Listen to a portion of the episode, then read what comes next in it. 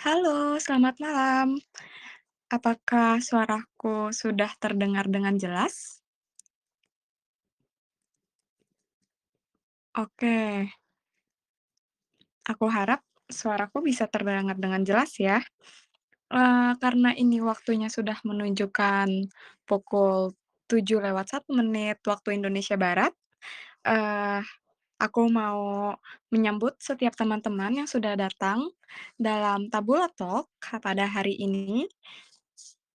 Jumat 11 Februari 2022. Eee, selamat datang semuanya, kembali lagi bersama dengan kami di Tabula Talk, episode yang ke-69 dengan judul Overcoming Fear of Rejection. Namaku Yosi, hari ini aku akan menemani teman-teman semua untuk berbincang-bincang dengan psikolog kita yang keren abis. Beliau adalah seorang lulusan psikologi klinis dewasa dari Unikat Majaya Jakarta, dosen honorer di salah satu universitas swasta di Jakarta. Saat ini beliau juga praktik konseling di Bicarakan Indonesia, GROM, atau biasa juga dikenal dengan Grow with Femme Consultant, dan Get Calm. Selain itu, bidang keahlian atau spesialisasi yang dimiliki beliau di antaranya romantic relationship with partner, sexual orientation, dan self-development. Tanpa berlama-lama lagi, mari kita sambut Mbak Angelia Lestari Kristiani, empati psikolog. Silakan untuk Mbak Angel, dipersilakan waktunya. Halo, selamat malam Yosi. Malam, Kak. Dan juga selamat malam kepada teman-teman yang sudah bergabung di sini. Halo, selamat malam. Semoga teman-teman semua sehat, semoga teman-teman semua juga bersemangat buat mengikuti, eee, materi kita di malam hari ini. Ini aku langsung jelasin aja gimana nih, Yos? Oh iya boleh, silakan Mbak, aja. Oke, baik. Nah, teman-teman jadi di perkenalan terlebih dahulu, eee, nama saya Angelia Lestari Kristiani, tapi teman-teman di sini boleh memanggil saya dengan Angel. Dan tadi perkenalan singkatnya udah dilakukan nih sama, eee, Yosi. Nah, teman-teman sebelumnya aku mau menggunakan fitur yang, eee, belum pernah aku gunakan sebelumnya, yaitu fitur share screen di, eee, Telegram ini. Jadi nanti, eee, teman-teman aku akan melakukan share screen untuk beberapa materi yang memang mau aku bawakan, dan nanti dari teman-teman Tabula, nanti mungkin dari, eee, Bene atau dari Yosi akan membantu untuk share gambarnya juga gitu. Jadi nanti teman-teman bisa, eee, lewat 2 gitu, dari screen yang aku share maupun lewat, eee, image yang dikirimkan oleh Yosi maupun Bene. Nah, jadi memang hari ini aku akan membahas mengenai fear of rejection. Dan ini juga merupakan materi yang, eee, edisi Valentine gitu ya, Yos, ya? Iya betul banget, Mbak, Yes. edisi va Heeh, jadi minggu lalu udah sempet ada 1 ya, Yos, ya, pembahasan mengenai Valentine juga ya? Betul banget. Nah, jadi, eee, kalau teman-teman yang mengikuti di kemarin, hari ini semoga bisa, eee, berkelanjutan gitu ya pemahamannya, sesuai dengan apa yang diterima sama teman-teman dari minggu lalu. Nah, jadi, eee, hari ini aku akan membahas mengenai fear of rejection. Nah, semoga layarnya sudah terlihat. Kalau di HP harusnya dia bisa kayak di-zoom-zoom gitu ya, bisa teman-teman pinch layarnya supaya lebih jelas gitu. Eee, tapi tenang aja kalau memang masih tetap kurang jelas akan dikirim-kirim juga kok gambarnya. Nah, fear of rejection ini sebenarnya kita bisa bahas secara general, sebelum kita akhirnya membahas mengenai rejection yang berkaitan dengan relasi atau yang berkaitan dengan tema Valentine kita. Nah, yang berka eee, yang dimaksud dengan rejection atau penolakan gitu ya.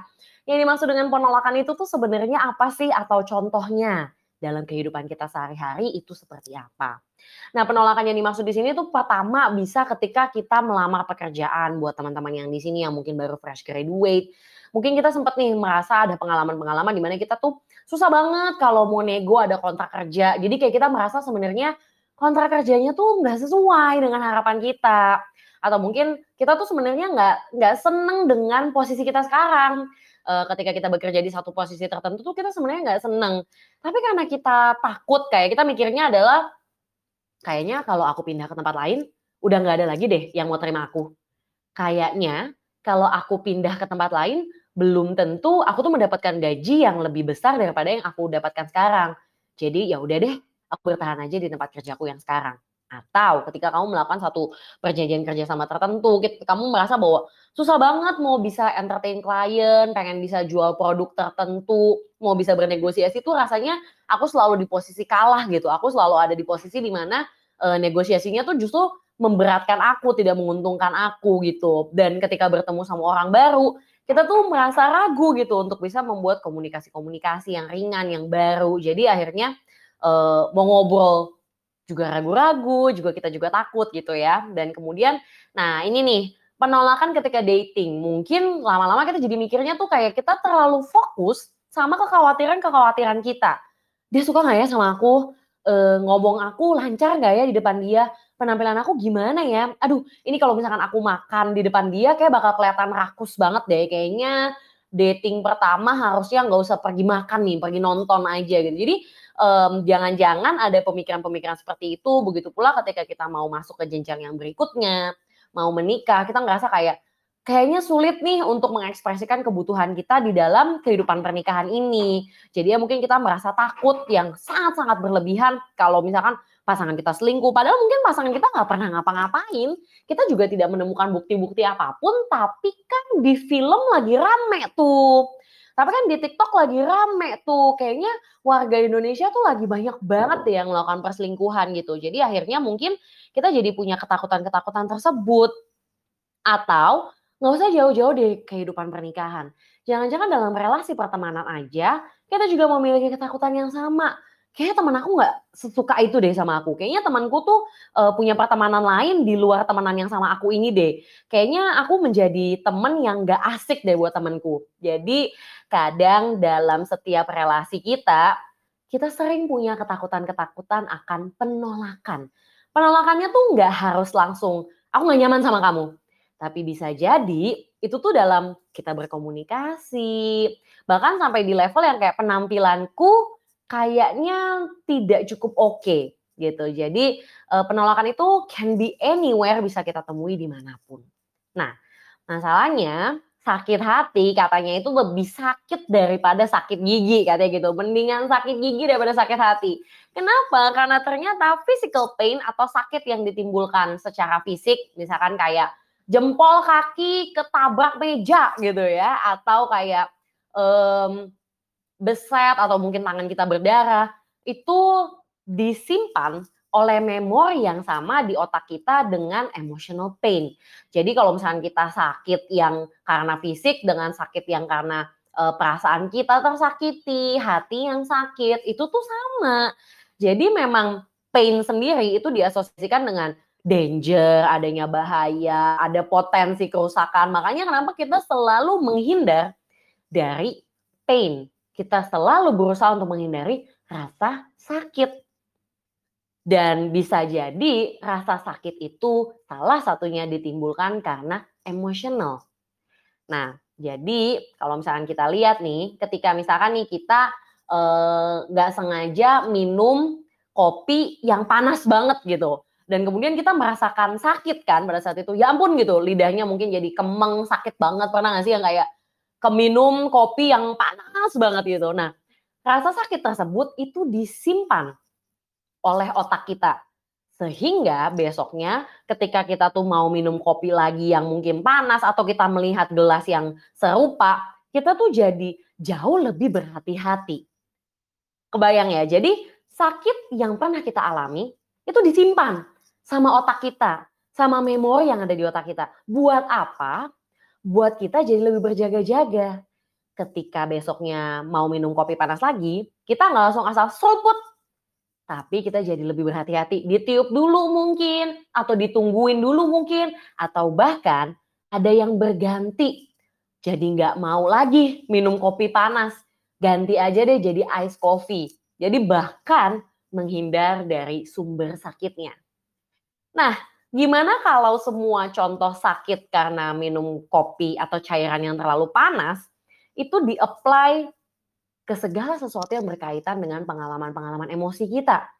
Kalau udah pernah sekali diselingkuhin, memori itu akan tersimpan di dalam otak kita sehingga kemudian kita jadi menghindar. Atau kayak berdasarkan pengalaman aku, kalau aku tuh pacaran sama orang yang seumuran, tuh menurutku egonya tuh masih sama banget. Jadi kayak aku masih sibuk nih sama karir. Ya dia juga sama-sama sibuk sama karir. Jadi kita sama-sama suka pulang malam dan kapan ketemunya. Nah, memori tersebut disimpan dalam otak setiap kali kita berantem. Akhirnya itu membuat kita berusaha untuk menghindar dan gak mau lagi nih punya pacar yang mungkin seumur gitu ya. Karena ngerasa kayaknya pengalaman sebelumnya sudah sudah seperti itu. Jadi secara sadar atau tidak sadar, kita menghindar dari situasi-situasi yang berpotensi membuat kita kembali merasakan sakit. Caranya gimana? Ya kalau tadi contohnya dengan pacaran ya kita menghindari tempat-tempat yang sudah pernah kita datengin. Karena merasa bisa menimbulkan rasa sakit yang sama. Kita berusaha untuk menjauh. Ya udah deh kalau gitu nggak mau pacaran sama yang seumuran. Maunya sama yang lebih tua atau maunya sama yang lebih muda gitu. Atau kemudian ya setiap kali ngelihat gambarnya dikit aja atau ngelihat orang yang mirip dengan dia, memorinya langsung muncul. Jadi nggak harus ketemu sama orangnya. Kita teringat dengan hal-hal yang lainnya aja, image-image yang lainnya, itu bisa memunculkan perasaan yang sama. Gitu. Jadi pada saat berkaitan dengan pain, ya akhirnya kita bisa terstimulus dengan banyak hal. Nah, kalau kita bahas tentang fear of rejection, aku mau kenalin nih satu istilah yang baru. Kalau teman-teman pakai HP, boleh nih sambil iseng-iseng buka apps Google gitu ya. Coba lihat nih, aku kenalin satu istilah namanya rejection sensitivity. Jadi kalau kita ngomongnya fear gitu ya, takut, mungkin kita akan mikirnya kayak enggak, gue nggak takut gitu ya. Kita mikirnya misalkan kayak gitu kayak uh, untuk menyebutkan bahwa aku tuh takut kok kayaknya terlalu terlalu gimana gitu. Jadi kita bisa juga nih menggunakan istilah rejection sensitivity. Artinya kita menjadi pribadi yang cukup sensitif nih terhadap penolakan. Nah, rejection sensitivity ini salah satu penyebabnya itu bisa karena pengalaman kita di masa kecil. Mungkin teman-teman udah sering dengar bagaimana hal-hal yang kita alami sejak dulu, sejak masa kecil itu bisa berpengaruh dengan kita saat ini penolakan, pembiaran, atau segala bentuk kekerasan secara emosi yang diterima dari orang tua tanpa disengaja. Kedua orang tua kita memang bekerja sehingga kita memang dibiasa untuk dititipin aja. Atau setiap kali kita mungkin menunjukkan prestasi tertentu, ekspresi dari orang tua kita tuh seperti tidak tidak bangga gitu sama hasil kerja kita misalkan. Penolakannya bisa jadi tidak langsung. Misalkan ya secara emosional dia tidak hadir akhirnya mungkin diwakilkan oleh om dan tante atau bahkan diwakilkan oleh babysitter, pengasuh yang seperti itu. Dan kadang orang tua bisa jadi sangat kritis terhadap anaknya. Mama lihat sepupu kamu itu ya, udah mau nikah loh. Terus itu tetangga depan, kalau nggak salah seumuran deh sama kamu. Itu kayaknya udah tunangan tuh kemarin. Kayak kalungan-kalungan gitu, mama tuh dapat undangannya. Uh, padahal mereka seumuran loh sama kamu gitu. Jadi kamu sekarang masih kuliah-kuliah aja, mau lanjut lagi S2, kamu yakin gitu. Jadi akhirnya mungkin yang dilihat adalah karena sangat kritis atau hal-hal sepele ya, misalnya kayak dulu waktu mama seumuran sama kamu, berat mama itu tuh cuma 50. Sekarang kamu beratnya udah mau 60, gimana nanti kalau kamu hamil gitu misalkan ya, kalau misalkan ke anak-anak yang perempuan gitu misal. Jadi akhirnya e, bisa jadi orang tua kita tuh menjadi terlalu kritis atau ini di mana hal ini membuat kita menjadi anak yang bisa jadi tuh pemarah karena kita berusaha untuk melindungi diri kita dari kemungkinan-kemungkinan penolakan. Karena bingung cara ngedefense diri kita gimana. Karena nggak ngerti caranya untuk melindungi diri kita seperti apa, yang kita lakukan adalah kita jadi anak yang mungkin pemarah. Atau mungkin kita memang pernah terekspos dengan pengalaman uh, perundungan atau bully ketika kecil sehingga bisa juga ini tuh mempengaruhi kita secara kepribadian gitu di mana akhirnya e, memang ada karakter atau sifat-sifat tertentu yang cukup rentan terhadap penolakan kita mungkin bisa sambil menilai diri kita sendiri. Misalkan kita menyadari bahwa kita memang memiliki kepercayaan diri, self esteem itu artinya adalah kepercayaan diri atau keyakinan diri yang memang cukup rendah. Gitu. Jadi memang kita uh, sering sekali itu butuh dukungan-dukungan dari eksternal atau mungkin kita merasa kita adalah pribadi yang pencemas gitu. Jadi kayak secara umum, secara general memang aku cemas akan penilaian-penilaian orang. Jadi nggak harus ditolak juga udah cemas gitu. Jadi kayak nggak perlu ada yang nolak pun kadang aku jadi udah lebih berhati-hati dan mungkin kita punya uh, gaya relasi atau attachment style yang memang uh, penuh dengan rasa khawatir atau insecure gitu ya. Kadang-kadang kita suka dengar istilah-istilah tersebut. Jadi ini bisa menjadi penyebab-penyebabnya. Nah, berikutnya teman-teman, ketika kita sudah tahu penyebab-penyebabnya, kayaknya aku nggak gitu deh. Mbak Angel kayaknya aku nggak pernah deh mengalami hal-hal seperti itu. Nah, kita bisa mungkin nggak uh, kepikiran gitu ya, kayaknya aku tidak mengalami hal tersebut. Nah, mungkin ini akan lebih mudah untuk kita cek to ourselves apakah kita memunculkan perilaku-perilaku ini. Contohnya, perilaku yang biasa muncul untuk teman-teman yang sensitif terhadap penolakan itu adalah biasanya sering sekali punya banyak masker, punya banyak tampang atau topeng yang dibuat jadi kayak kalau lagi sama circle teman-teman aku yang SMP, kebetulan aku tuh teman sama teman-teman SMP aku tuh sekolahnya tuh internasional gitu. Jadi emang aku harus menampilkan di standar tertentu. Jadi kemudian kalau pas masuk di uh, masuk kerja, kerjaan aku tuh perusahaannya multinasional. Jadi memang uh, aku harus menunjukkan pengetahuan aku tentang dunia luar negeri itu seperti apa gitu. Akhirnya kita menampilkan pribadi yang tidak seperti kita yang sebenarnya. Gak secapek abis menjalin relasi gitu. Ngerasa capek abis pergi ngobrol sama orang karena aku harus iya-iya untuk suatu topik yang aku nggak seneng gitu. Aku harus ikutan ngomongin orang yang sebenarnya gue nggak punya masalah sama dia. Tapi aku jadi harus ngomongin orang itu juga. Atau kalau dalam bentuk relasi sebenarnya aku tuh nggak pernah suka yang namanya PDA aku tuh nggak suka ketika aku tuh harus kayak pelukan lah di eskalator gitu ya kayak uh, ceweknya di satu anak tangga atas terus cowoknya di bawah terus dipeluk gitu ya pundaknya gitu. Atau yang kayak uh, di apa dicium pipinya di eskalator gitu ya. Jadi kayak rasanya tuh aku tuh dia nggak nyaman sama PDA ini. Tapi ya karena pasangan aku butuh untuk PDA ya udah gitu. Jadinya uh, setiap kali cowok aku tuh seperti itu ya aku jadinya terima-terima aja gitu. Ya itu menjadi kita menjadi punya topeng yang palsu gitu atau kayak aku tuh gak suka dandan. Tapi pasangan aku tuh menuntut aku untuk dandan gitu.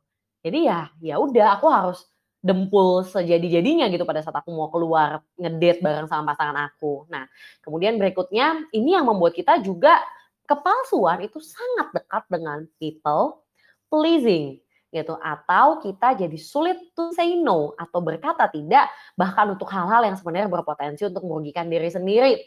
Disuruh nemenin pacarnya main game sampai subuh sampai jam 3 pagi. Padahal jam 7 pagi kita ada kelas sama dosen gitu ya. Terus kita tuh harus uh, presentasi. Atau kita sebenarnya besok jam 6 pagi harus nemenin uh, mama kita lari pagi. Jadi kita harus olahraga jam 6 pagi, harusnya kita tidur cukup, tapi kita malah baru tidur jam 3 karena harus nemenin pacar kita main game. Tapi kita nggak berani untuk berkata tidak. Atau kayak kita harus mengeluarkan uang karena teman-teman kita janjian mau beli uh, handphone tertentu atau mau beli uh, peralatan makeup tertentu atau mau beli pakaian tertentu gitu dan atau barang elektronik tertentu dan kamu tidak bisa menolak itu. Padahal uangmu nggak cukup. Padahal kamu nggak punya uangnya. Kamu jadi harus uh, minta uang sama mamamu lebih di luar uang saku yang kamu diberikan kepada kamu misalkan. Dan dalam sebuah relasi bisa jadi dibandingkan aku jadinya sering sakit hati karena aku ngerasa bahwa kebutuhanku sering gak dipenuhi, better aku mematikan aja kebutuhanku. Bersikap seolah-olah, oh ya nggak apa-apa kok, Nggak apa-apa kok kalau kita nggak makan makanan kesukaanku. Nggak apa-apa kok kalau kita nggak menonton film yang aku suka. Atau nggak apa-apa kok kalau kita tuh, jadi kita selalu ngomongnya adalah, oh nggak apa-apa, oh nggak apa-apa gitu. Pada saat kita sebenarnya tidak sedang baik-baik saja. Atau yang muncul adalah jadi pasif agresif. Pasif agresif artinya kita nggak pernah benar-benar ngomong kalau kita tuh nggak suka kita tuh nggak pernah benar-benar bilang bahwa kita tuh sebenarnya nggak nggak mau gitu melakukannya.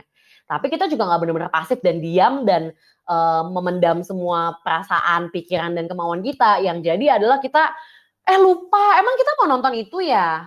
Atau kayak eh ya ampun maaf banget aku telat gitu telatnya sampai satu jam karena kita diajak buat ketemu sama uh, perkumpulan dari teman-teman dari pacar kita yang kita tuh sebenarnya nggak suka gitu sama perkumpulan dari pacar kita ini. Kita ngerasa bahwa pacar kita tuh selama sama teman-temannya itu malah menjadi pribadi yang tidak menyenangkan gitu. Dan kamu pun sebenarnya nggak seneng gitu sama perkumpulan dari teman-temanmu dari pacarmu ini. Tapi kemudian ya karena pacarmu mau pergi sama dia, jadi mau nggak mau kamu tetap ikut, tapi jadinya pasif agresif. Misalkan kayak, ya eh lupa banget emang kita udah janji ya mau ketemu sama temenmu. Aduh aku udah bikin janji lagi sama mamaku dan akhirnya kamu jadi misalkan nggak ikut atau kayak bentuknya adalah ngeluh gitu misalnya kayak, aduh aku capek banget tahu yang kayak gitu. Jadi akhirnya kita bisa jadi akhirnya tuh melakukan suatu hal secara tidak efektif.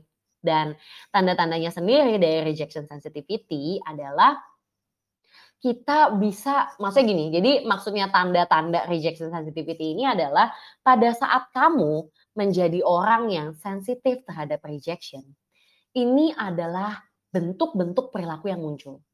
Jadi kalau kamu adalah orang yang sensitif terhadap penolakan, biasanya kamu juga menjadi terlalu sensitif terhadap perubahan dari ekspresi wajah lawan bicara kamu. Apalagi sekarang kita semua pakai Zoom, pakai Teams, Pokoknya pakai, uh, apa, media video online gitu ya, misalkan pakai Google Meet. Kita cuma bisa melihat layar, ya segede layar laptop kita aja kan gitu. Kita cuma bisa ngelihat orang-orang yang mukanya segitu doang gitu. Nah, terus kemudian kita melihat, kok pas lagi aku presentasi, mukanya dosennya tuh kayak mengernyit gitu, kayak alisnya tuh kayak naik gitu. Atau kayak, kok matanya kayak disipitin gitu, kok kayaknya dari ekspresi wajahnya aku kayak salah ngomong deh gitu. Ya padahal mungkin dia lagi gatel gitu ya, atau mungkin dia lagi lagi diajak ngomong sama orang lain di ruangan di mana dia berada, terus dia jadi mengernyit gitu, atau dia jangan-jangan sambil iseng-iseng buka WhatsApp web dan dia mengernyit akan chat yang sedang dia baca di WhatsApp web gitu. Tapi kan kamu lihat di kamera dan kamu melihatnya dia lagi mengernyit dan kamu merasa itu ditujukan ke kamu. Begitu pula nggak harus pas lagi online ya, tapi pas pada saat ketemuan langsung juga gitu. Biasanya kita pribadi yang sensitif terhadap penolakan itu sangat-sangat sensitif juga terhadap ekspresi wajah dari lawan bicara kita. Jadi kita tuh menebak, ini orang seneng gak ya sama aku? Dia setuju gak ya sama pernyataan aku? Dia kenapa-kenapa gak ya sama apa sama sama request aku gitu, sama apa yang aku inginkan gitu. Jadi um, kita bisa lihat bahwa kita menjadi sangat sensitif tuh terhadap hal tersebut. Atau kita bisa coba buat cek gitu ya ke diri kita sendiri. Apakah kita punya aktivitas fisiologis atau fisiologis itu artinya biologis ya secara tubuh gitu yang terlalu tinggi. Contohnya apa Mbak Angel?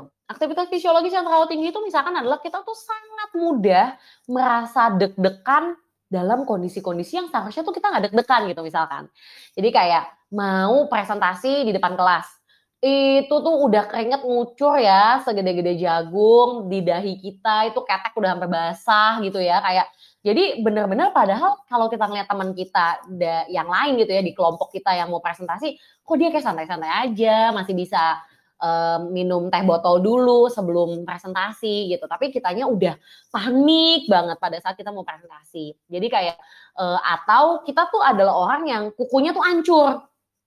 Saking seringnya kita gigit atau bahkan kita tuh punya area di rambut kita yang botak, saking kita punya kebiasaan mencabut-cabutin rambut kita sendiri pada saat kita merasa e, kayaknya aku mau ditolak deh gitu. Jadi kayak pada saat kita merasakan takut gitu ya, takut akan penolakan tersebut, kita merasa bahwa ini kayak tanda-tandanya aku ada mau ditolak gitu. Nah, muncul tuh aktivitas-aktivitas uh, fisiologis, fisik yang jadinya tuh terlalu tinggi.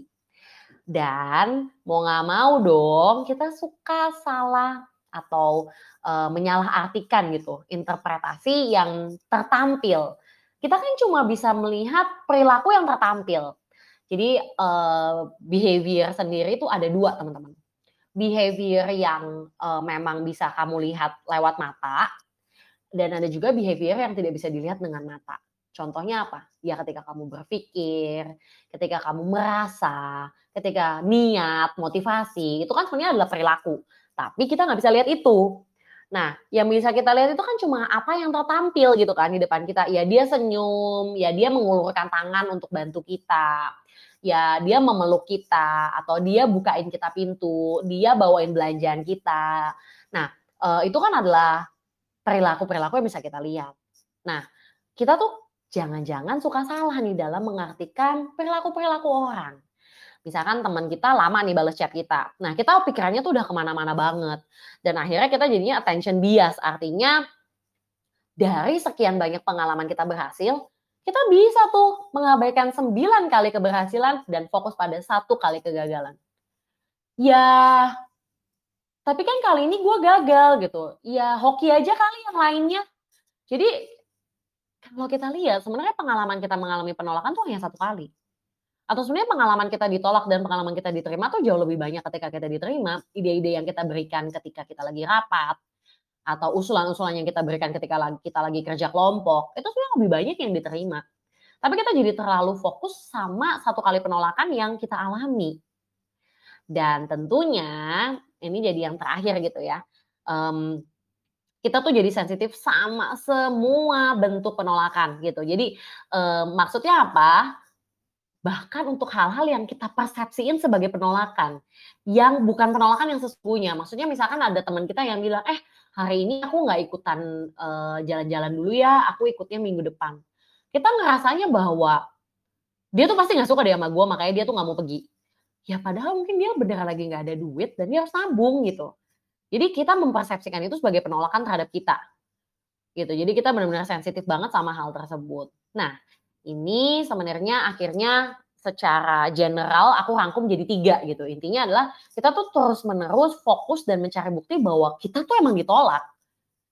Padahal mungkin nggak pernah ada yang benar-benar menolak kita gitu. Bahwa pada saat pacar kita bilang, iya aku jemputnya telat dikit ya, mundur dulu nih. Soalnya harus nganterin mama dulu ke puskesmas depan. Kita tuh langsung mikirnya adalah, e, aku tuh emang akan selalu kalah sama keluarga dia.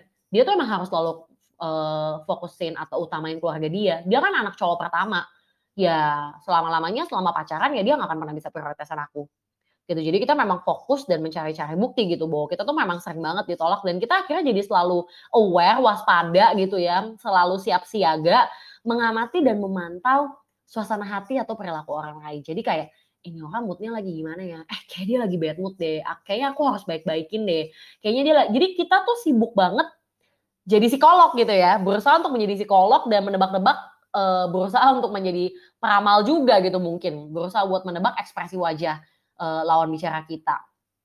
Dan sebenarnya secara nggak langsung kita menjadi sangat haus karena ingin mempunyai relasi yang dekat-dekatnya tuh sesuai dengan persepsi kita gitu. Maksudnya jadi kita uh, takut juga kalau pacarannya long distance karena kita ngerasa kayaknya itu terlalu rentan untuk uh, putusnya deh gitu atau kayak nggak uh, mau ah dari dari circle yang sama atau nggak mau ah dari yang bekas temen atau nggak mau ah dari yang satu tempat kerja gitu. Jadi uh, kita tuh merasa harus punya yang bener-bener relasinya tuh deket banget sama kita gitu. Jadi kayak uh, kita cari gitu, kita benar-benar akhirnya craving untuk hal tersebut. Nah, kalau kita lihat lagi dampak-dampaknya sendiri itu sebenarnya ada, aku bagi jadi dua gitu.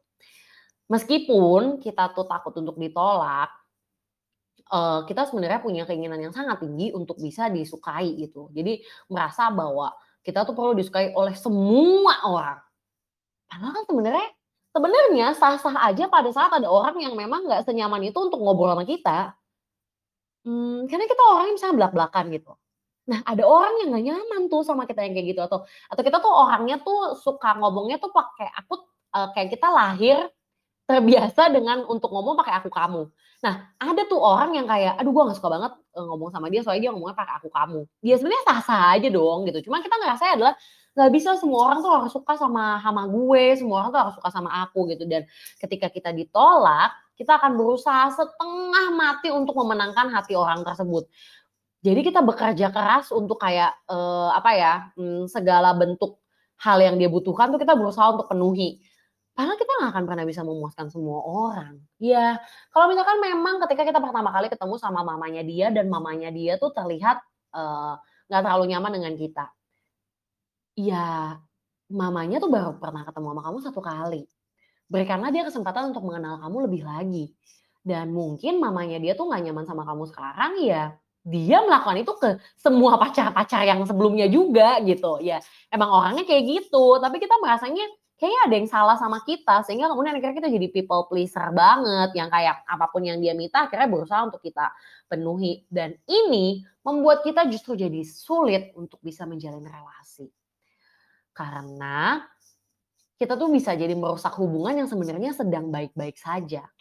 Karena kita takut banget gitu ya, takut banget kalau kayak apa, eee, penolakan tuh dalam salah satunya bentuknya itu misalkan kayak, eee, perselingkuhan gitu. Misalkan kayak kita merasa bahwa kita tuh bisa ditinggalkan sama pasangan kita yang sekarang, jadi sebelum dia melakukan perselingkuhan, kita tuh udah siap siaga dulu gitu.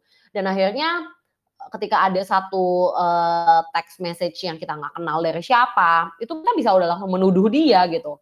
Dan akhirnya perilaku yang muncul adalah kita jadi agresif gitu. Jadi kita marah ketika kita tuh mengalami penolakan sekecil apa pun. Misalkan kayak, "Eh, temenin gue pipis dong," gitu ya, cewek-cewek kan suka banget ya kayak gitu. Nah, pas teman kita dengan asertifnya bilang kayak, "Nggak deh, gue lagi nanggung nih ngerjainnya." Terus kamu tuh ngerasa kayak, "Ih, cuma disuruh nemenin pipis doang kok nggak mau sih?" Gitu. Atau kayak, kesannya konyol ya gitu. Cuma sebenarnya itu memang terjadi gitu. Kita mengalami hal itu yang kayak, eee, "Kenapa sih kamu nggak mau pasang, eee, DP kamu sama aku? Kenapa sih kamu nggak pernah mau upload aku di Instagram kamu? Aku nggak pernah ada di feed kamu sih." Nah, padahal emang itu adalah Instagram yang dia gunakan buat jualan gitu, misalkan emang dia jualan, eee, jualan barang kayak di situ. Jadi ya memang itu itu memang nggak jadi Instagram yang benar-benar pribadinya dia gitu. Ya ya wajar dong kalau misalkan dia tuh nggak upload foto kamu di situ misalkan. Tapi kita jadinya tuh agresif ketika melihat hal tersebut dan pasangan kita bisa ngelihatnya adalah, kok dia nggak peduli banget ya bahwa ini adalah Instagram yang aku gunakan tuh buat bekerja gitu. Atau kayak, kok kamu nggak pernah sih ngajak aku ikutan meeting-meeting sama uh, teman-teman kamu tuh yang uh, apa yang bisnis bareng sama kamu, kamu malu ya nggak bawa-bawa aku gitu. Nah, padahal mungkin pasangan kita tuh bisa mikirnya adalah ya mungkin uh, yang lain juga nggak bawa pasangan gitu. Jadi masa buat meeting kerjaan aku bawa pasangan gitu. Nah terus kita dilihat sebagai orang yang akhirnya kok nggak bisa ya peka terhadap hal yang seperti itu. Atau di sisi yang ekstrim kita bisa menghindar dari situasi-situasi yang berpotensi membuat kita ditolak Akhirnya ketika diminta, "Eh, ketemu yuk sama orang tua aku." "Entar dulu deh." "Eh, kita pergi yuk sama teman-teman aku, teman-teman aku mau kenal nih sama kamu." "Nanti dulu deh ya, aku belum siap nih buat ketemu sama teman-teman kamu, kita pergi berdua dulu aja terus ya." Gitu. Atau ya misalkan kayak pada saat kita belum punya pasangan dan teman-teman kita tuh yang kayak mau ngajakin kita buat kayak, "Eh, kenalan yuk sama teman gua nih, ada yang mau kenalan sama lu." Gitu. Nah, kita justru menghindar dari hal tersebut dan ya yang ada kita makin terisolasi dong. Yang ada kita makin makin nggak bisa menjalin relasi sama siapa pun karena kita melindungi diri kita sedemikian rupa. Jadi orang-orang yang sensitif terhadap penolakan biasanya merespon kehidupan mereka dengan berbagai cara untuk melindungi diri. Padahal perilaku-perilaku yang ditujukan untuk melindungi diri itu biasanya menjadi bumerang Misalkan mereka berusaha untuk melindungi diri dengan cara, eee, jadi agresif, ya justru membuat pasangannya menjadi terganggu. Atau dia berusaha untuk melindungi diri dia dengan cara ya jadi orang siaga banget gitu, jadi pacar yang siaga banget, tahu password Instagram, password Facebook, password, eee, Gmail, password HP gitu. Karena kita siap-siap gitu, jangan sampai gue diselingkuhin gitu. Tapi itu membuat pasangan kita jadi nggak nyaman. Jadi perilaku-perilaku yang kita lakukan untuk melindungi diri kita dari penolakan justru biasanya menjadi bumerang. Nah, hal ini juga terlihat melalui masalah relasi romantis. Pada saat kita tuh me, apa ya, menerima penolakan, kita tuh menjadikan penolakan itu sebagai bukti bahwa tuh kan, aku tuh emang nggak bisa diterima di mana-mana. Tuh kan, emang aku tuh emang adalah orang yang nggak berharga gitu. Kayak satu kali penolakan, misalkan nih, mmm, kamu mau punya bisnis baru gitu, misalkan kamu punya bisnis baru, terus kamu lagi nawarin, eee, bisnis ini gitu ke orang gitu, kayak, "Eh, gue lagi jualan lipstick nih, gini, eee, kayak gini kayak gini kayak gini kayak gini, lu mau invest nggak?" Penolakan dari satu orang itu membuat kamu tuh merasa bahwa kayak, kayak bisnis gue tuh emang nggak worthy deh untuk dijalani gitu. Jadi kayak dari satu penolakan aja, kita menjadikan penolakan itu sebagai penolakannya itu penolakan terhadap diriku. Jadi aku tuh adalah pribadi yang tidak berharga dan tidak layak gitu. Dan kemudian dalam sebuah hubungan ini tuh dia akan selalu stay alert. Dia akan selalu dalam kondisi siaga. Dia akan selalu dalam kondisi bersiap-siap. Bersiap-siap buat apa? Ya buat suatu saat ditolak aja. Kayak ditolak pergi, ditolak apa, ditolak apa gitu. Sehingga dia akan selalu merasa nggak aman. Gimana sih rasanya kita aja nggak seneng kan kalau kita pergi sama teman yang teman kita tuh dikit-dikit tuh kayak eh eh gitu ya kayak dikit-dikit nengok ke belakang, dikit-dikit nengok ke belakang kayak lu nungguin apaan sih? Lu ngeliatin apaan sih? Kan kadang kita suka gituin ya. Nah, kamu bayangin kalau kamu menjalin relasi dengan orang yang selalu siap siaga. Jadi yang kayak siapa tuh yang chat? Itu siapa yang ajak kamu pergi? Siapa tuh yang baru follow kamu? Kok follower kamu nambah satu? Nah loh, gitu ya. Jadi kita akhirnya jadi sangat-sangat siaga dan kesalahan sekecil apa pun dilihat sebagai kurangnya perhatian atau penilaian yang kejam atas diri kita sendiri gitu ya. Jadi kita ngerasa tertekan, ngerasa marah akan hal-hal yang berpotensi menjadi sebuah penolakan. Jadi belum nih ya, belum ditolak baru potensi aja. Nah, bagi kita yang remaja, bagi kita yang berusia remaja, dampaknya tuh bisa jadi membuat kita tuh berada di posisi yang rentan menjadi korban karena kita merasa bahwa um, kita harus memenuhi semua keinginan dari uh, orang lain gitu untuk membuat kita tuh bisa diterima. Dan uh, kita jadinya mungkin bisa jadi tuh bertindak ekstrim untuk mempertahankan hubungan. Akhirnya jadi uh, kita udah tahu bahwa berhubungan seksual itu tuh aku nggak mau gitu. Aku nggak mau berhubungan seksual sampai aku nikah. Nah ini tuh sebelum umur 17 tahun aja, kamu punya pacar yang lebih tua dan mungkin pacarmu tuh kayak sering banget pegang-pegang area yang sebenarnya tuh nggak membuat kamu merasa nyaman. Tapi karena kamu takut pacarmu anak kuliahan atau pacarmu tuh orang kerja, kamunya masih SMA, kemudian kamu ngerasa kayak kalau gue nggak mengizinkan atau memberikan apa yang diminta oleh orang ini, nanti dia malah mutusin gue gitu. Dan akhirnya kita jadinya mentoleransi hubungan yang nggak sehat sekalipun. Hubungan yang sebenarnya adalah membuat kamu tuh jadi gak pede karena kamu sering dibanding-bandingin sama mantan dia. Aduh, kamu tuh ya kalau kamu lihat foto-foto mantan aku, kamu tuh pasti bisa ngeliat deh selera aku tuh kayak gimana gitu. Jadi kita tuh sadar sebenarnya tuh konsekuensinya negatif, tapi masih aja dilakukan. Dan ini juga buat kita yang dewasa, itu sering salah dalam menginterpretasikan peristiwa atau reaksi dari lawan bicara gitu. Karena kita uh, stay alert, waspada, misalkan kayak uh, kalau kita punya pacar yang memang lagi sibuk-sibuknya kerja, misalkan oh pacar kita kerjanya di KAP, di kantor akuntan publik tuh yang memang ada high season, tapi setiap kali lagi high season kita ngambek setiap kali lagi high season nggak bisa pergi satu weekend kita ngerasa dia udah nggak sayang lagi sama aku karena di weekend ini dia nggak pergi sama aku gitu. Dan kita jadinya sering banget cemburu tanpa alasan karena kita takut ditinggal gitu. Jadi bahkan ketika kita sebenarnya lagi pacaran gitu ya jelas-jelas oke okay, official ya nih aku pacaran sama kamu aku udah upload foto sama kamu aku udah bawa kamu ke temenku aku juga bawa kamu ke acara-acara keluargaku. Udah sedemikian deketnya pun kamu tetap takut bahwa kamu tuh bisa ditinggal suatu saat nanti gitu. Jadi akhirnya yang terjadi adalah menghindari konflik. Ketika sebenarnya dia melakukan suatu hal yang kamu gak suka, kamu gak mau tegur dia. Kamu gak mau ngomong bahwa aku tuh sebenarnya keberatan dengan hal tersebut. Kayak, kenapa harus gue yang bayarin lagi ya nonton? Ini kok makan sekarang dibayarin lagi sih, padahal makannya mahal banget dan sebenarnya aku gak mau makan mahal-mahal kayak gini. Kok dia minta dibeliin kemeja lagi sih? Kok dia minta dibeliin, dibayarin pulsa yang kayak gitu. Jadi kayak tapi kamu nggak mau menghindar, kamu nggak mau bahas gitu yang kayak, sayang kenapa bayar pulsa aja mesti sama aku ya gitu. Emang kenapa? Emang uang yang kamu tabung tuh ke mana gitu. Itu kan sebenarnya bisa kamu tanyain gitu. Tapi kita berusaha untuk menghindar dari hal tersebut. This is my last slide gitu ya. Ini adalah topik terakhirku supaya nanti aku bisa selesai di jam 7.45 dan kita bisa punya waktu sekitar 15 menit untuk tanya jawab. Nah, jadi what to do dong Mbak Angel kalau misalnya ternyata aku memang lebih sensitif atau lebih rentan terhadap rejection gitu. Nah, yang pertama yang bisa kita coba untuk lakukan itu adalah kita belajar untuk menemukan stimulusnya. Kondisi atau situasi seperti apa yang kita tuh sering hindari. Ya karena takut itu akan mengarah pada suatu penolakan tertentu gitu.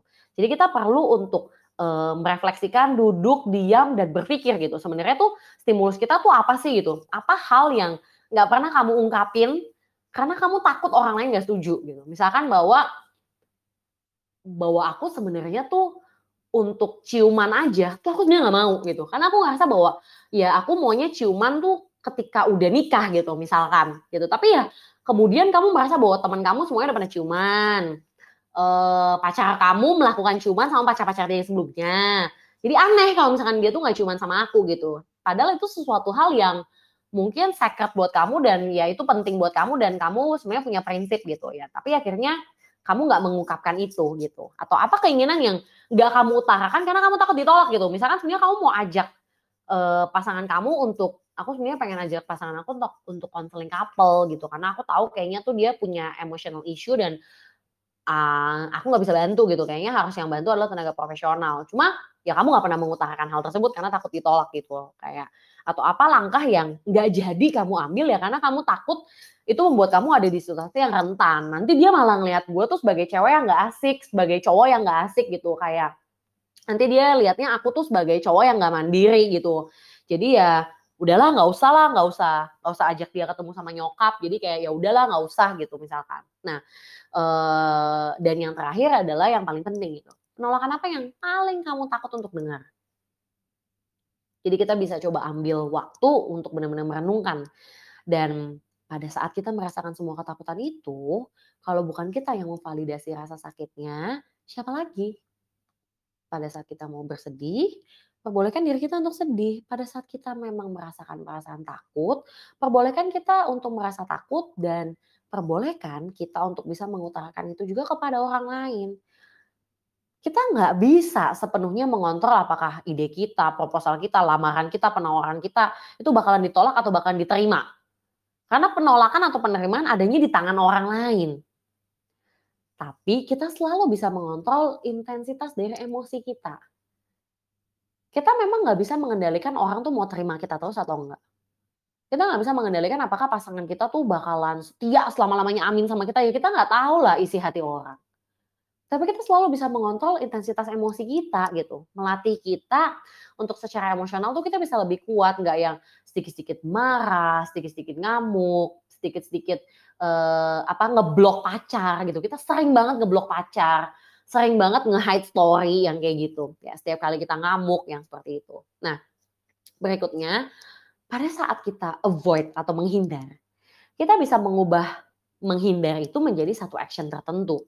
Misalkan jika suatu tujuan memang masih tampak penting buat kamu, kalau misalkan itu memang masih bermakna buat kamu, ya coba untuk mengambil langkah untuk bisa melakukan hal tersebut meskipun ada risiko penolakan gitu. Jadi menghindar memang kadang tuh terasa lebih aman. Tapi pada dasarnya intinya kamu tetap nggak dapat apa yang kamu inginkan gitu. Karena tanpa permintaan emang nggak akan ada penolakan.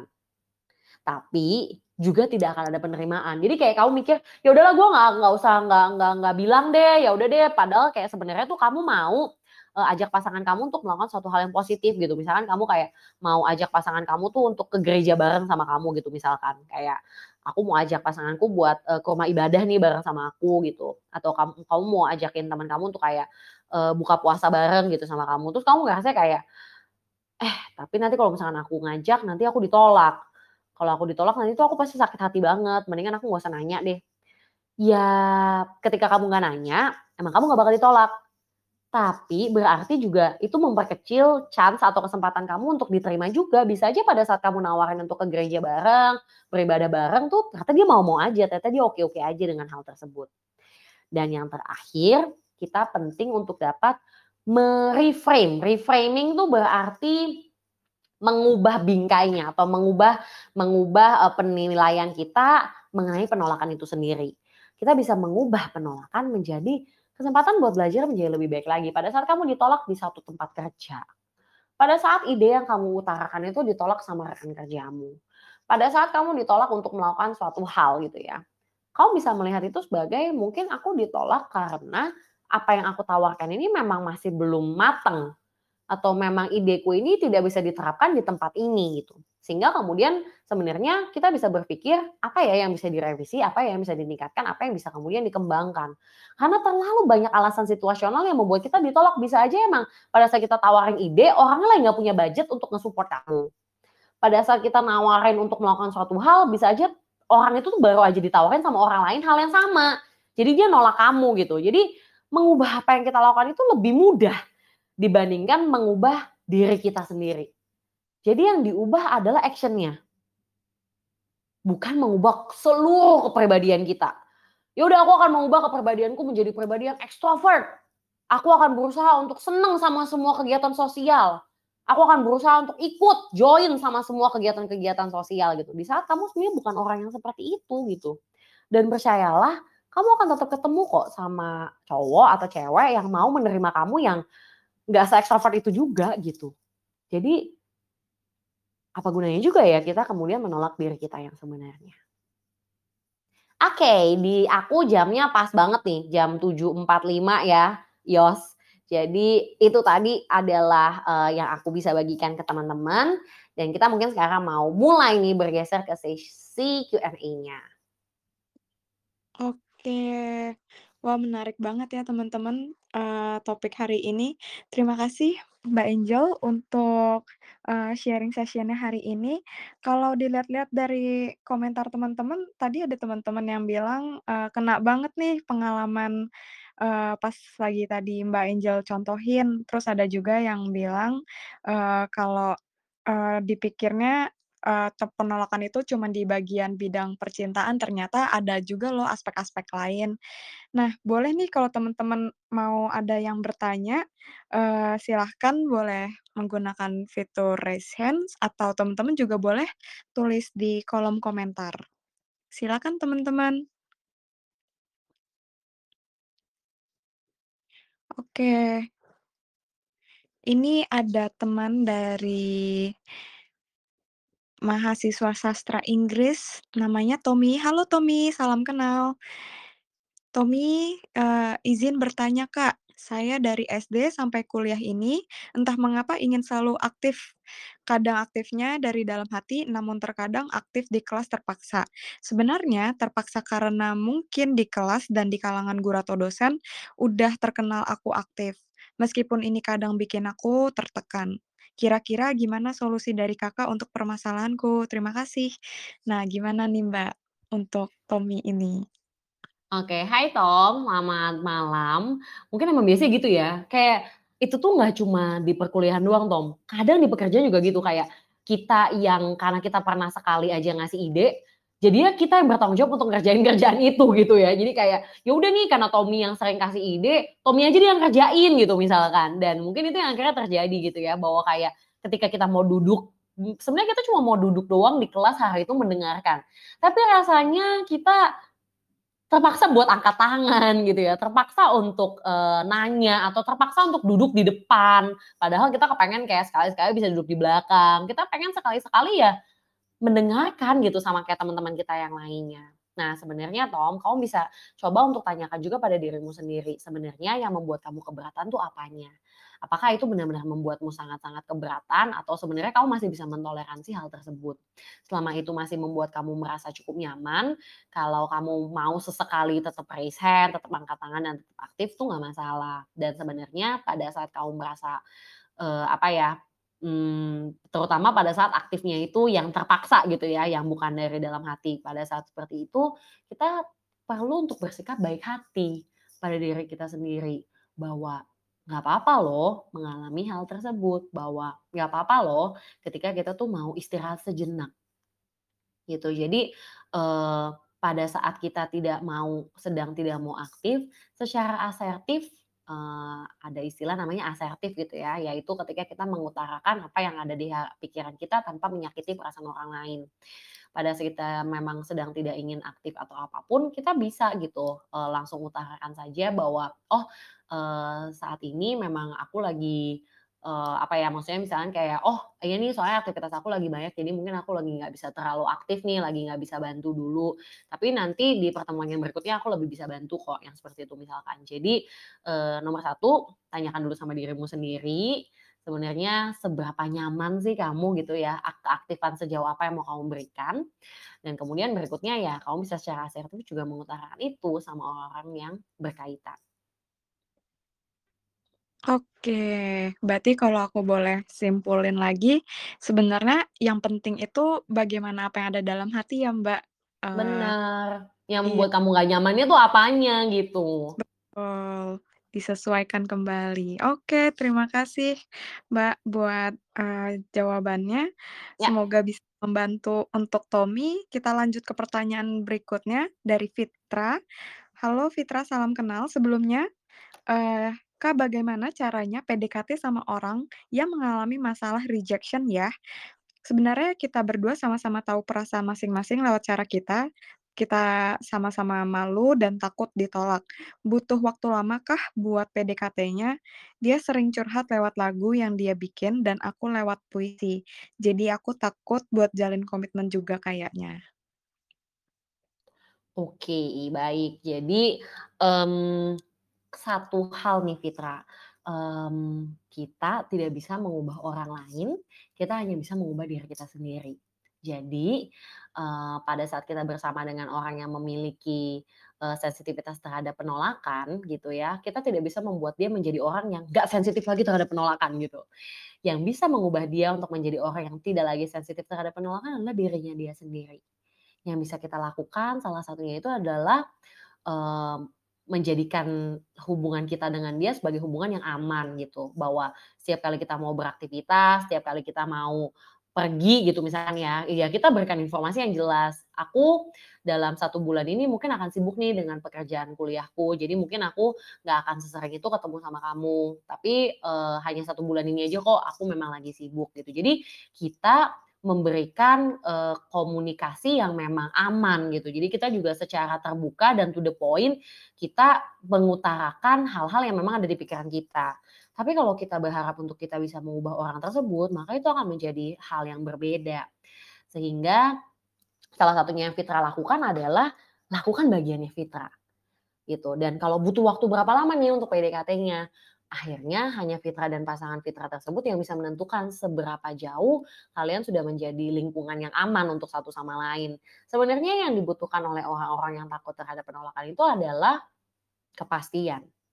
Jadi salah satunya nih misalkan, bisa banget nih kamu juga mengutarakan bahwa saat ini aku tuh hanya menjalin, eee, hubungan WhatsApp-an rutin setiap hari tuh sama kamu doang.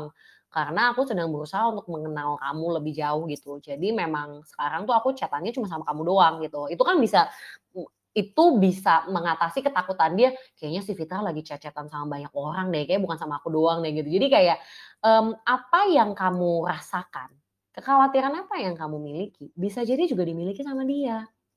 Jadi kamu ingin diperlakukan seperti apa, perlakukanlah juga demikian terhadap orang tersebut. Oke, menarik ya jawabannya, Mbak.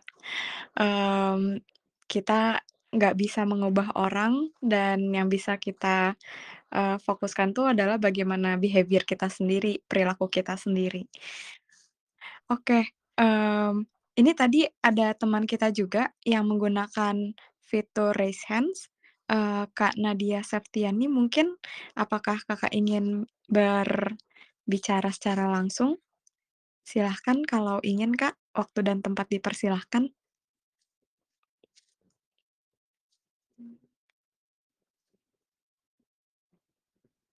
Oke, eee, apakah ada kendala? Kalau ada kendala mungkin, eee, mau lewat diubah lewat fitur chat di komen juga boleh ya, Kak.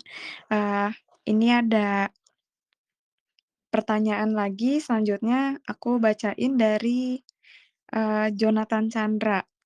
Eee, "Halo Jonathan, salam kenal. Eee, jadi pertanyaannya, saya orang yang nggak suka banget penolakan dan juga bukan risk taker. Banyak kesempatan-kesempatan yang akhirnya dihindari karena kemungkinan penolakannya besar. Alhasil lumayan sih, sekarang saya nggak banyak menghadapi banyak penolakan dan ngerasa cukup percaya diri. Cuman lumayan takut nih posisinya. Gimana nanti kalau akhirnya dapat penolakan? Apakah perlu seseorang mendapatkan penolakan? Wah, menarik juga nih pertanyaannya, Kak. Yes. Oke. Hai Jocan, eee, jadi aku tuh merasa bahwa, eee, aku bisa relate banget sama, eee, pertanyaan dari Jocan ini. Karena, eee, aku tuh juga seperti itu gitu. Aku tuh adalah orang yang juga lumayan takut sama penolakan gitu. Jadi, eee, salah satunya aja nih ya, jadi kepengen ikut cerita nih ya, ngelihat cerita Jocan. Eee, aku tuh nggak pernah ikut, eee, ujian, eee, untuk masuk ke negeri, sama sekali. Jadi aku tuh S1, S2 semua swasta. Bahkan dari TK, sekolahku tuh swasta, pendidikanku tuh selalu swasta. Padahal aku tahu bahwa, eee, psikologi di negeri itu tuh sangat bagus gitu. Nah, eee, pada saat dari S1 aku mau ke S2, itu tuh semua temanku, itu tuh udah mendorong aku untuk, "Ya udah cobain aja negeri cobain aja negeri." Tapi karena aku juga punya ketakutan yang sangat besar akan penolakan, aku memutuskan untuk enggak coba sama sekali ujiannya.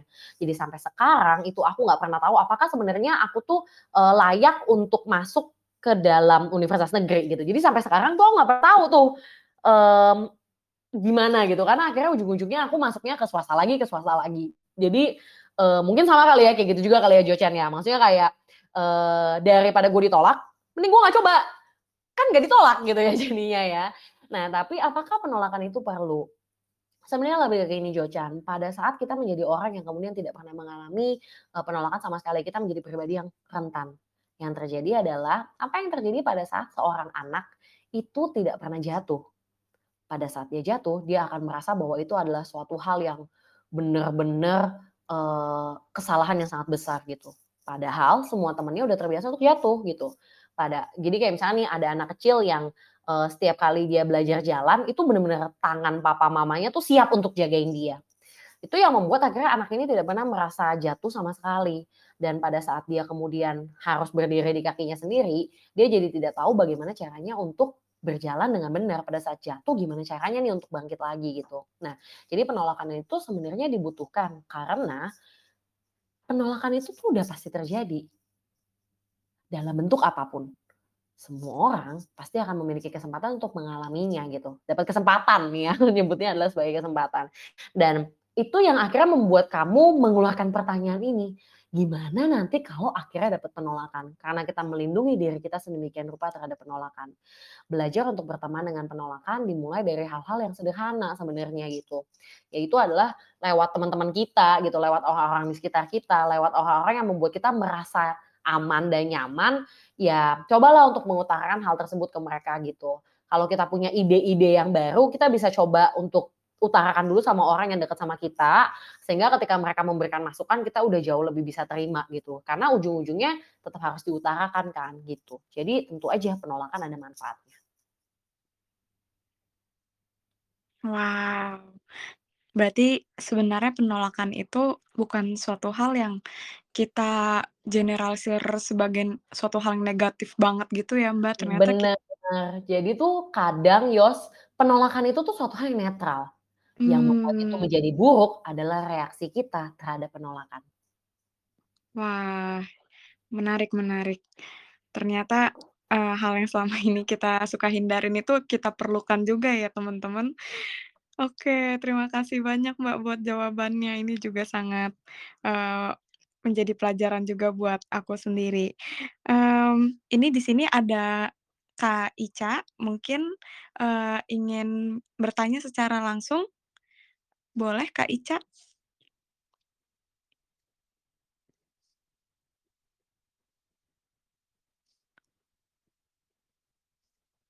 Oke. Apakah ada kendala Kak, ingin dibantu? Atau masih ada teman-teman lain di sini yang ingin bertanya?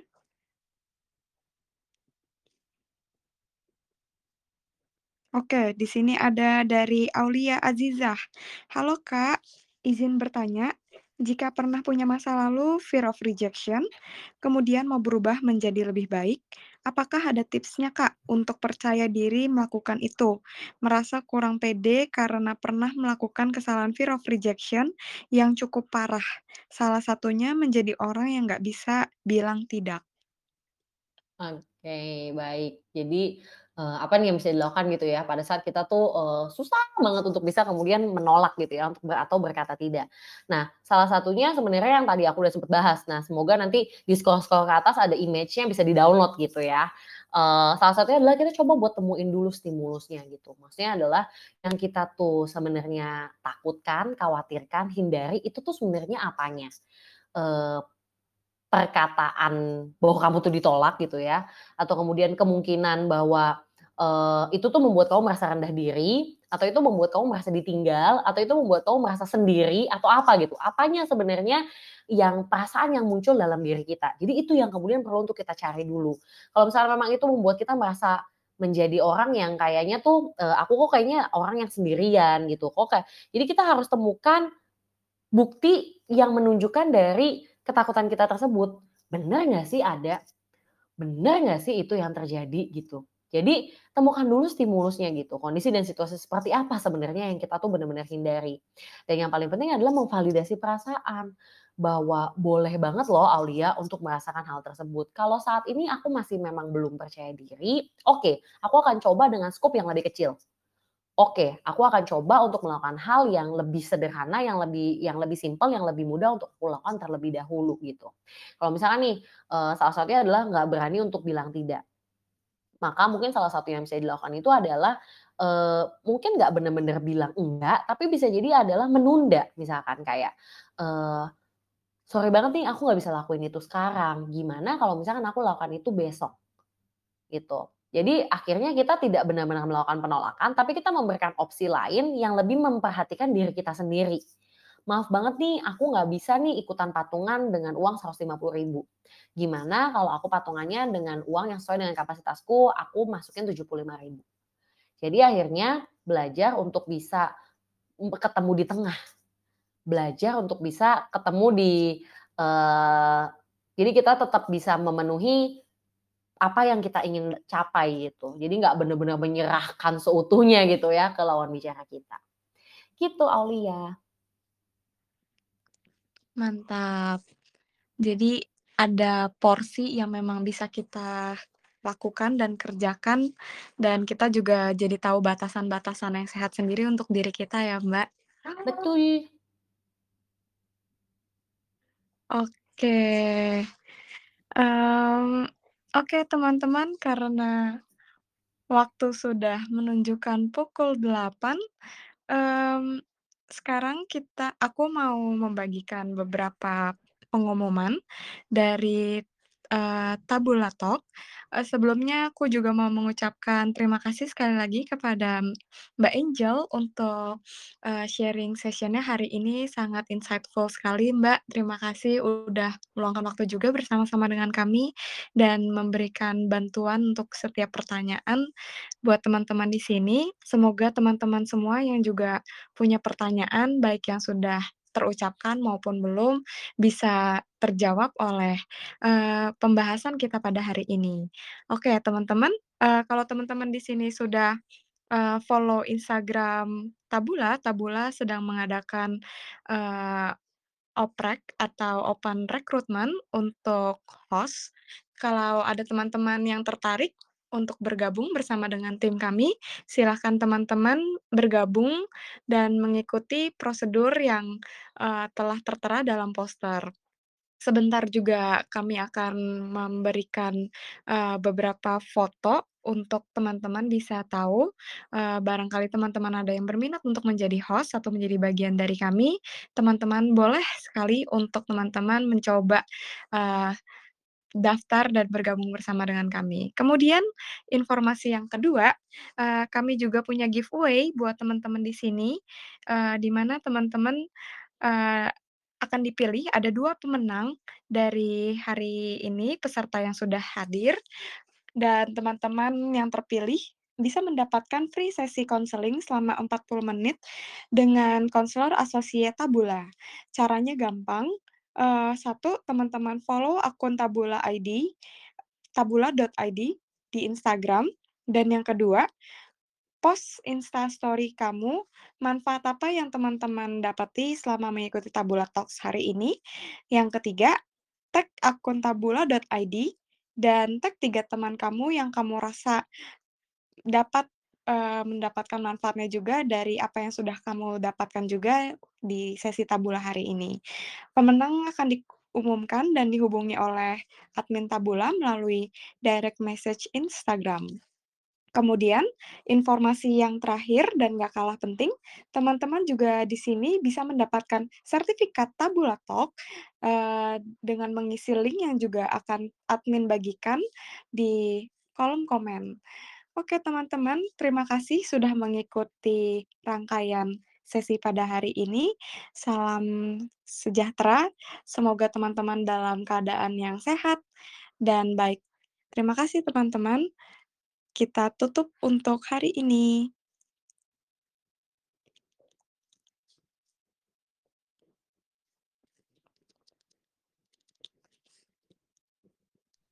Terima kasih teman-teman, selamat malam, sampai ketemu di Tabula Talk berikutnya.